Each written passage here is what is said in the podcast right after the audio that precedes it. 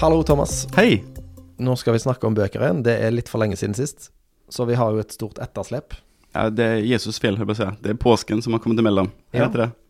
Påsken kommer imellom. Mm. Eh, jeg må bare begynne å spørre deg om en ting. Eh, eier du mange bøker? Ja.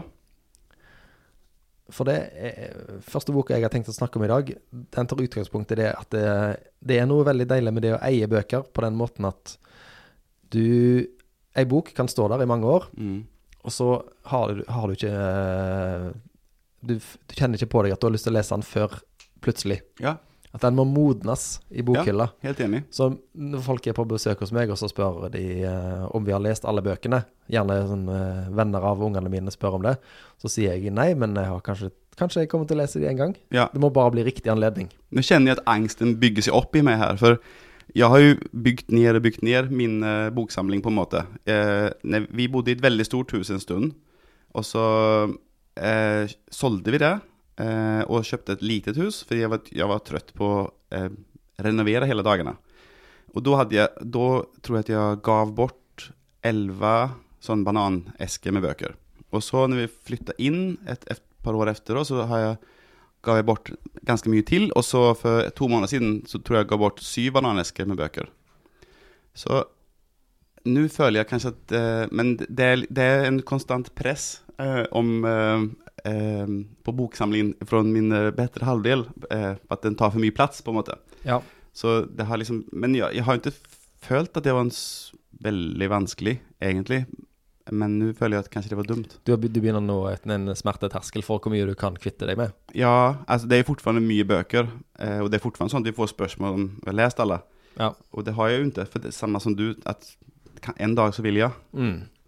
Grunnen til at jeg eh, begynte i den enden, var at eh, i fjor høst så fikk jeg en bok av Espen, kapittelsjefen, med tanke på at jeg kanskje skulle gjøre et intervju uh, i den forbindelse. Og det intervjuet ble ingenting av, eller det var ikke jeg som gjorde det.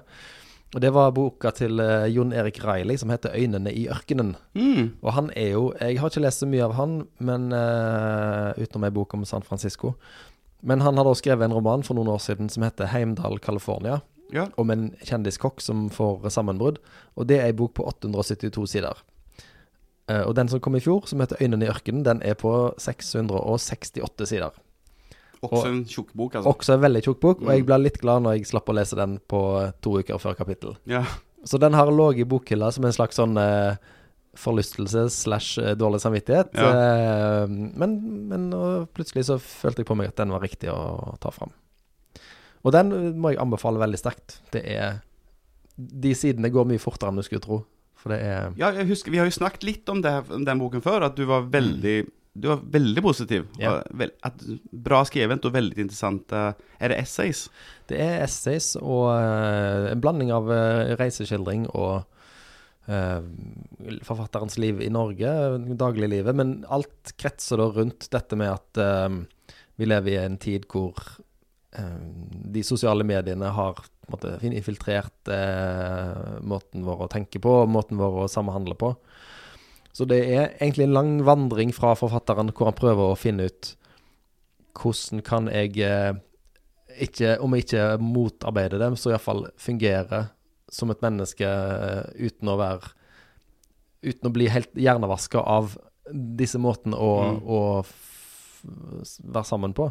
Så det er, ikke en, det er ikke en politisk bok på den måten, det er mer som en betraktning her, og altså sånn nesten mer selvhjelp enn eh, ja, det politikk. er, s- det er Det tenkte jeg òg når jeg leste den underveis, at det er litt i samme gate som disse bøkene til Agnes Ravatn. Å, ja. Om, eh, om, men hun, hun er jo hun er helt annen spor. Hun skriver tynne, morsomme bøker. Dette er en tjukk, mer dvelende, drøftende bok. ja. Men som handler om det samme, da. Hvordan skal en bevare forstanden i eh, tid med hvor En ting han skriver som jeg syns var veldig bra, at vi har begynt å tenke at eh, reaksjon er lik eh, eksistens. Sånn, omtrent sånn som jeg husker det. Altså at det, hvis du legger ut et bilde som ingen reagerer på, så, Ja. så finnes det ikke. Og, og vi er opptrent til, at, eh, til å at vi skal svare på alt som kommer av eh, reaksjoner på Instagram, Facebook. Så det er en sånn ny ting på en Um, måte, en ny eh, tillämpning av det der gamle uttrykket eh, at om et tre faller i skogen og ingen hører det så er det ingen lyd. Ja. Eller liksom det blir sånn at om ingen ser det så finnes det jo ikke. ja. Ja. Så, men det, det, det korte svaret hans er annet at vi må, vi må selvfølgelig logge oss mer av, men vi må òg eh, Vi må lese ting, og vi må fotografere uten tanke på å skulle dele det med så mange. Mm. For jeg tar jo meg sjøl i det, at når jeg, når jeg sitter og leser en bok, så kan jeg ofte være halvveis inne i et eller annet eh, tanke om at dette sitatet var bra, det må jeg sende til den og den og den. Mm. Mens jeg sitter med teksten, så må jeg Mm. stoppe opp og sende og høre dette morsomme jeg leste i denne boka. Ja. Så en er på en måte alltid distrahert. Ja, Jeg er helt, jeg er helt enig i det. Jeg, jeg, jeg, har, eh, jeg har tenkt mye på det. Og, altså, jeg har jo den der bok-Thomas-kontoen eh, som både er bra for meg, fordi at det tvinger meg å lese, selv om man har sånne der perioder man ikke har så lyst. Men også at man hele tiden er på jakt etter en kul bild, eller nå må jeg lese noe på engelsk, sånn at eh, de engelske følgerne skal få noe for, for seg. Altså sånn, så den, du har det hele tiden i bakhodet, og even med barn. Da. Jeg har jo en privat konto. sant? Der, ah, dette var kult, må jeg ta bilder av gutten liksom, når han gjør det, Ja. i stedet for bare å være der i stunden. da. Mm. Så det, det endrer måten vi lever på, Ja. og det er sikkert stort sett negativt. ja. Ja, og bra bok. og du kan fint ta den fram og lese litt her og litt der, for det er ganske grei inndeling. Og det er litt bilder inni i han, og han er det, det, Jeg er jo en person som er, er skeptisk til tjukke bøker, for de er så tjukke og tar lang tid. Men gleden med en tjukk bok er jo at den, hvis den er bra, så er du bare Mm. glad for at den varer. sant? Du blir akkurat som et sted du, du, Ja. du drar til. Ja. Det blir sånn som når jeg leste Peter Englunds bok om 1600-tallet, Ja. som er like tjukk, så ble det til slutt nesten en tidsmaskin. Å, nå må jeg lese litt mer om 1600-tallet. ja. For dette kommer til å vare lenge. Det er også digg. Ja, For du var jo så pass inne i den at du begynte å lese andre bøker om samme Så det, det blir en sånn der Det kan Altså, jeg har samme følelse som du det med tjukke bøker. Mm. Altså, den tjukkeste bøken jeg har, boken jeg har lest sånn eh, Der jeg måtte ta, en eh, ta til en spesiell teknikk for å orke, det var den der eh, av Johan Harstad. Den 'Max og Mischa'. Ja. Eh, som jeg, jeg husker, det er 1200 sider eller noe sånt. Eh, og så når jeg leser normalt sånn 20 sider kanskje, eller noe sånt, så bare, du ser ikke ens på boken at, den, at liksom, det beveger seg, bokmerket beveger seg ikke. så til slutt så innførte jeg en sånn regel at jeg ikke fikk lov å gå og legge meg før jeg hadde lest 100 sider.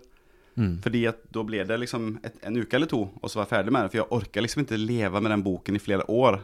Nei. Selv om jeg likte det veldig godt, og jeg hadde jo ikke lest ferdig om jeg ikke hadde syntes det var bra. Det var kjempebra. Men så tjukke bøker, da må du nesten eh, jeg, jeg, må, jeg må ta tiltak liksom, for å føle at det, Det, gikk dette er jo et tips vi kan gi til alle andre. òg. Sett deg et bestemt antall sidetall per dag, da. Mm. I stedet for å si at jeg skal lese så mange bøker i løpet av et år, så kan du si at jeg skal lese 30 sider e-bok hver Ja. dag. Og det blir ganske mange bøker i løpet av et år. Ja. Mm. Akkurat som eh, trening, bare stø kurs og Ja. Og så er, jeg husker ikke helt tallene nå, men det har kommet noen sånn studie når det gjelder sånn eh, å skape gode vaner. Og da sier de at det tar så og så lang tid å skape en vane. Så det er liksom arbeid i begynnelsen, men når du vel har kommet inn i det, så går det av seg selv, liksom. Eh, mm. I stedet for å se, sitte i sofaen og se på TV, kan du sitte i sofaen og lese bok. Ja. Litt av den tiden, da. Ja. Mm, til eksempel. Men du har med deg en del bøker. Hva har du lest i det siste? Ja, altså nå har jeg blitt eh, inspireret av deg. Eh, fordi du har lest så mye fagbøker, og jeg, jeg, har ikke, jeg er ikke så flink på det. Jeg, jeg mm, kjeder meg fort. Eh, men ja, nå kom jeg på, nå har jeg jo lest, siden vi har en sånn utstilling som handler om Njål Saga her på biblioteket, Mm. der vi blant annet inviterer sko- eh, videregående klasser for å komme og lære seg om islendingsager og sånn, passer veldig bra til eksamen og sånn nå. Så har jeg lest en bok om det, eh, heter 'Nøkkel til islendingssagene', som høres sinnssykt nerdete og kjedelig ut, men var veldig interessant. Jeg, det lestes, jeg leste den som en vanlig bok. Men den jeg egentlig skulle snakke om, eller skulle du Nei. Det var eh, 'Silkeveiene' av Peter Frankopan. Som er Han er jo historiker eh, fra England. Og, ja, må bryte igjen. Det er en bok som står i bokhylla mi, som på et eller annet tidspunkt vil friste meg til å lese. lese. Ja, den også er veldig tjokk. Men nå er det sånn at eh, jeg juksa faktisk med den. Eller det er ikke juks kanskje nå for tiden, men jeg hører på den som lydbok.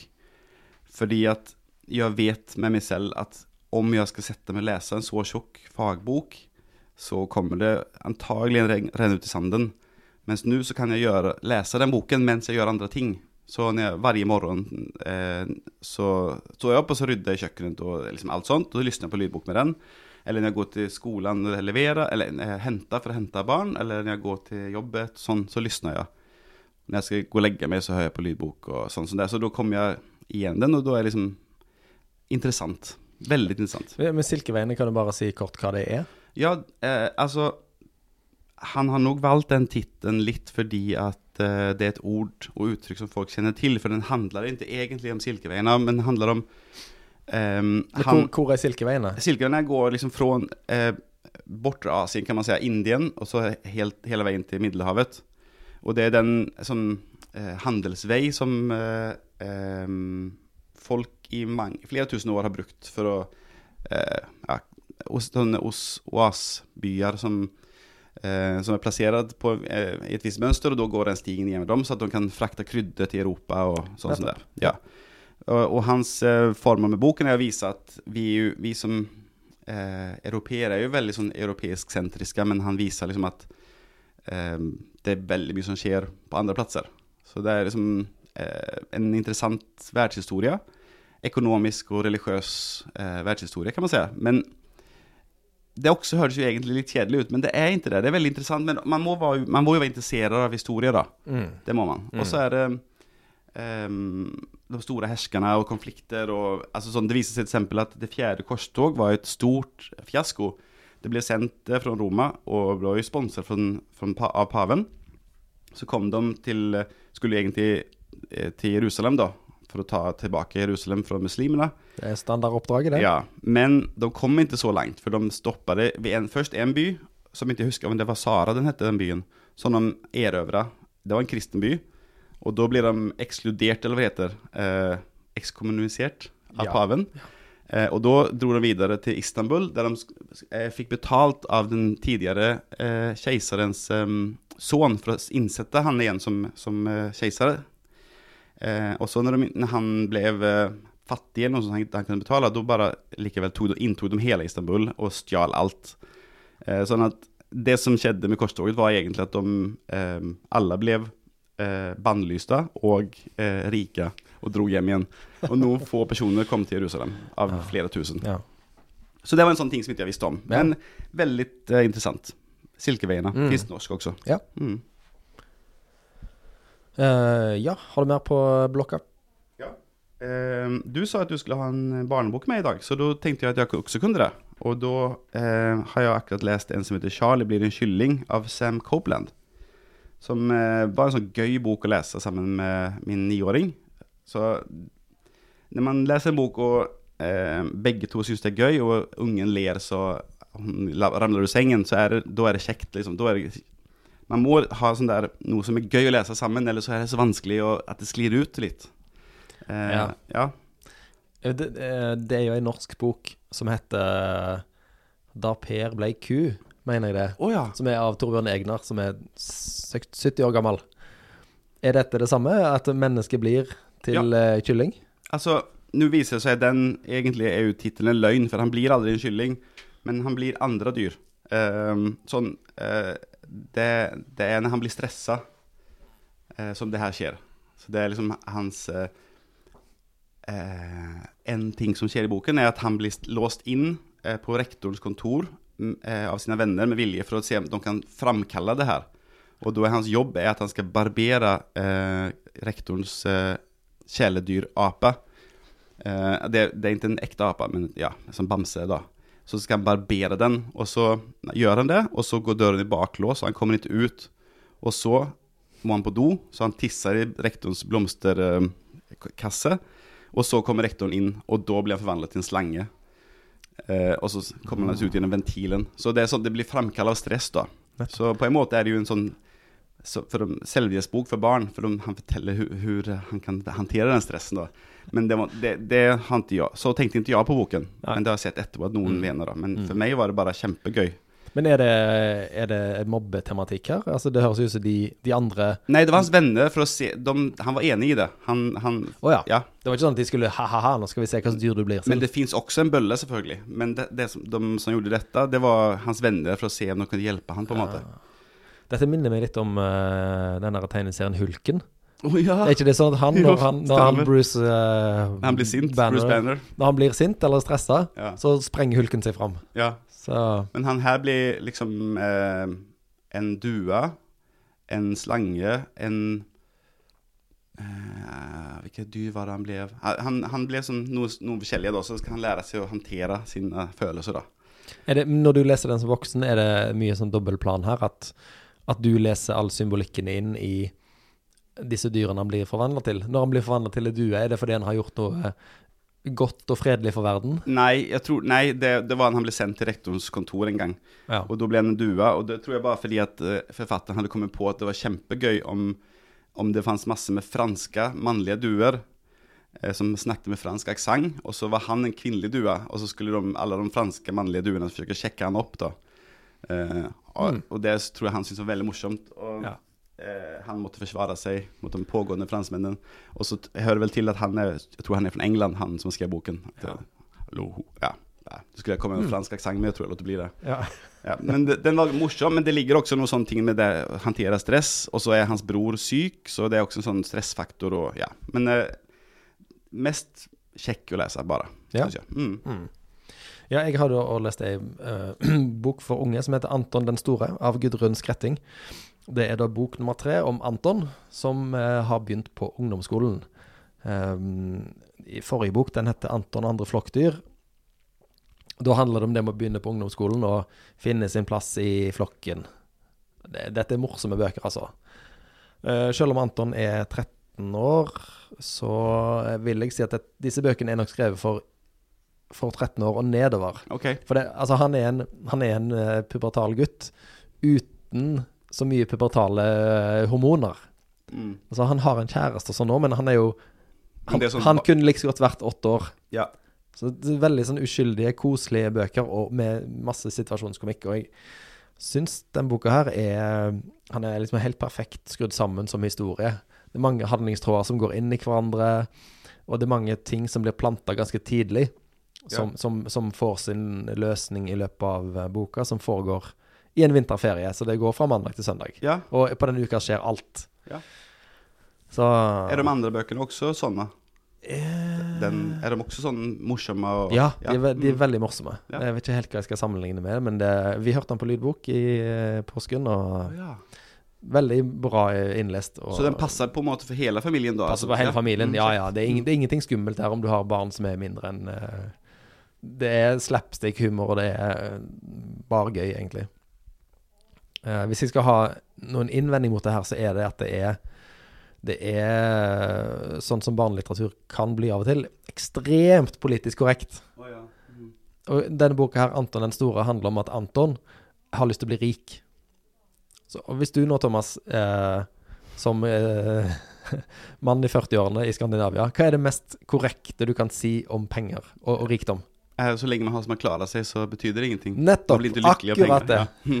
Og så eh, at hvis du, hvis du blir for opptatt av penger, så kan det forandre deg, og du blir en dårlig person. Ja. Eller at eh, det er ikke lurt å tråkke på andre for å komme seg fram i livet. Ja. Alt det der.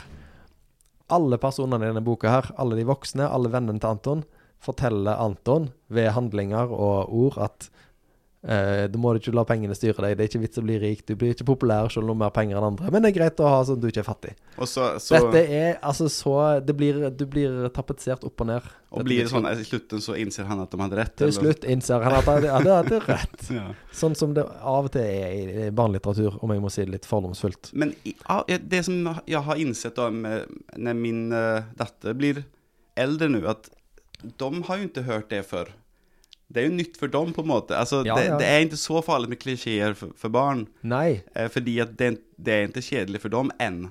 jeg jeg er enig, jeg er enig med, i det, altså. Men, Men trenger, trenger det være sånn? men det kunne bare vært en liten sånn Ja. snev av uh, at Anton la, la oss si at Anton da følte seg uh, fikk, fikk litt ekstra kred fra gjengen sin når han hadde fått jobb i golfklubben. Ja, Sant? Men det er bare Ja. sånn Nei, Anton, det er feil. Du må inn på denne, denne skandinaviske modellen her. Men i Skandinavien også så er det det er jo en av de mest grunnleggende hos oss er jo at alle skal jobbe. Så de kunne jo tatt tak i det i stedet. At det var bra, det var bra at du har fått jobb. Ja, men eh, ja. De syns nok det er bra at, at han får jobb. Men, men det er alle, alle personene her, fra den rike gamle mannen til, eh, til han tiggeren fra Øst-Europa, som de òg blir venn med, alle de har forteller Anton dette budskapet her. Okay. Og den eneste personen som er gjennomgående usympatisk og eh, bryter denne her eh, harmonien, er da mor til den ene jenta i boka. For hun er veldig rik og veldig opptatt av pengene sine. Ja. Og hun er jo da selvfølgelig okay. uten, uh, uten gode sider. Mm. Så Jeg forstår. jeg, jeg skal ikke Men, det, men egentlig var ikke det så Det gjorde ikke så mye. Alltså det var ikke en stor ting i boken, som jeg forstått det. Altså, det, du likte den jo. det er ikke en stor ting i boken. Jeg likte boka kjempegodt. Ja, og for barn, tipp topp. Det forstyrrer ikke så mye som vi får det til å høres ut nå. Nei, nei, nei. Men det er litt, litt sånn Men det er sant, i den forrige boka, 'Anton andre flokkdyr', hva er det mest korrekte du kan si om det å begynne komme inn i en ny gjeng? Ja, jeg, jeg, jeg, ble, satt på Jeg vet ikke. At eh, du skal være deg selv. Du skal være deg Er det selv. så?! Ja, men det, det er jo sånn det, sånn, det er jo budskapet i halvparten av eh, Ja. bøkene som skrives for alderstrinnet. Og det er jo Ja. kjempebra budskap. Vær deg sjøl. Ikke prøv å presse ned andre. Ikke prøv å uh, framstille deg som en annen person enn den du er. Mm. Det, det er jo et fint budskap, men det er kanskje bare meg som forelder som har hørt en del av disse bøkene før, som Ja. Ja, syns det blir litt vel obvious, da. Ja. Ja, jeg, jeg forstår hva du mener. Jeg, jeg eh, Ja, jeg forstår hva du mener. Jeg er, helt, jeg er enig. Du behøver ikke være overtydelig, og du behøver ikke være Det behøver ikke være Det, er greit. Vi vet jo egentlig om det. Ja. Ja, Det var den barneboka jeg hadde med. Du har med deg en eh, krim, er det sånn? Nei, ja, vent. Hva, hva skal vi kalle det? John Le Carré, altså Den evige gartner, tror jeg den heter på norsk, var det det? Ja. Um, det er jo ikke en krim, det, er- det er en um, Hva kan man si? Ja? Jeg har sett filmen. Den var veldig bra. Ja. Og veldig forstyrrende, husker jeg. Eh, for min del eh, så er det mest en, egentlig en kjærlighetsroman. uh, og uh, samfunnskritikk, på en måte. Eh, det handler jo om en mann som eh, jobber som diplomat i Jeg husker ikke hvilket land det er. Det er Afrika. Øst-Afrika et sted. Ja. Om det er Kenya eller Tanzania eller noe sånt. Kenya, tror Ja. jeg. Mm. Um, og som vars fru eh, blir eh, drept sammen med en mannlig venn og sjåføren. Um, og han får hele tiden høre hvor altså sånn promiskuøs og upålitelig og gal hun var. Sånn, selv etter hun ble drept, så sier alle det til henne, at hun hadde han som elsket det. Og, men han, han stoler egentlig fullstendig på henne. Gjennom, han tviler aldri gjennom hele boken på, på henne. Og han går jo eh, Han vil finne ut hva som har skjedd. Eh, og jeg har ikke avslørt noen ting her, for det, det er sånn det begynner, på en måte. At eh, eh, hun er drept. Det er sånn det begynner. Mm. Eh, og jeg, så, men han er jo på en måte en krim- eller sånn uh, thrillerforfatter, han John le Carré. Ja. Men det, selv om det på en måte er jo spennende, liksom, så er det for meg Ja, det var ikke egentlig Passer ikke helt i den kategorien for meg, da, syns jeg. Men, men den er forstyrrende. Det er jo sånn pengestyr, på en måte. Eh, store sånn legemiddelselskap i denne boken da, som egentlig kan styre og stelle som de vil, med både regjeringer og lover og alt mulig sånn. Mm. Mm. Men du har ikke lest boken? Jeg har ikke lest boka. Jeg så filmen eh, med hun eh, Rachel Wise og Ja. Ralph Fiennes Ja. som ekteparet. Ja. Mm. Veldig Jeg bra har- Også hørt at den, at den filmen er veldig bra. Veldig bra bok, og jeg har jo ikke lest han på mange år, eh, for jeg husker at eh, den siste boka jeg leste av han, jeg tror det var spioner som kom inn fra kulden eller sånt, så fikk jeg nok, fordi at alle dør jo alltid i hans bøker. Han, han skriver veldig mørkt, altså sånn, er, han skriver egentlig med et sånt perspektiv som at det er, det er ikke vits egentlig, men helten kjemper likevel på, og kan, gir ikke opp. Ja. Det er litt Men- sånn som islendingesagaene, er det ikke Ja. det? At det, Ja. det går dårlig med alle til slutt, men Ja. de har noen idealer de må oppfylle. Ja, og det er viktig hvordan du møter din skjebne, liksom. Han møter dem i heltemot, så er det greit. Ja. Så jeg fikk nok, liksom, for det, han skriver såpass bra at du faktisk bryr deg om de her personene, da. Og, og det er samme her også. du, du liker jo dem. Noen Mm. av dem, noen er jo ikke så bra. Mm. Men, eh, men det var vel verdt. Og jeg er ikke så følsom lenger, så stor gutt nu. Uh, vi kan jo si sånn til slutt her at uh, vår kollega Lars har skrevet en eh, lang og eh, lang og grundig artikkel om John Le Carré sitt forfatterskap som ligger Ok. på sølvberg.no. Han har lest Jeg skal ikke si han har lest hver bok, men det er ikke langt unna, altså. Og John Le Carré, han skriver bøker i stort tempo. Og han har skrevet bøker i 50-60 år. Ja. ja. Han har det. hadde du noe mer? Nei, det var alt jeg hadde i dag. Okej, jag kan ju bara säga som avslutningskommentar att uh, i min eh, process med att komma mig gjennom uh, min kamp uh, av Knausgård så er jeg ferdig med min kamp 4. Jeg, vet inte, jag husker ikke om vi snakket om den sist gang, Vi har vært innom han så vidt. jeg kan gjerne si en gang til at det er den dårligste av bøkene hittil. Og jeg syns ikke den var så veldig bra. Bok fire, det er når han er i, Mestedelen er vel den han er oppe i Norrland. i Nord-Norge. Han blir ferdig eh, Nord-Norge, ja, ikke Norrland. Han blir ferdig som, han går ut studenten, han er 18 år, og så får han jobb som lærer uh, oppe i Ja. Jeg husker ikke hvilken by det er, men som bitte liten teststed, liksom. Og så Mm. handler det om når han uh, forsøker få dama og hvordan han skjøter sin jobb sånn halvbra og sånn som det. Men, men det må jo si det at det, det er jo fortfarande han som har skrevet boken, så den er jo fortfarande veldig bra bok. Men litt slitsom og ja, kanskje litt lang.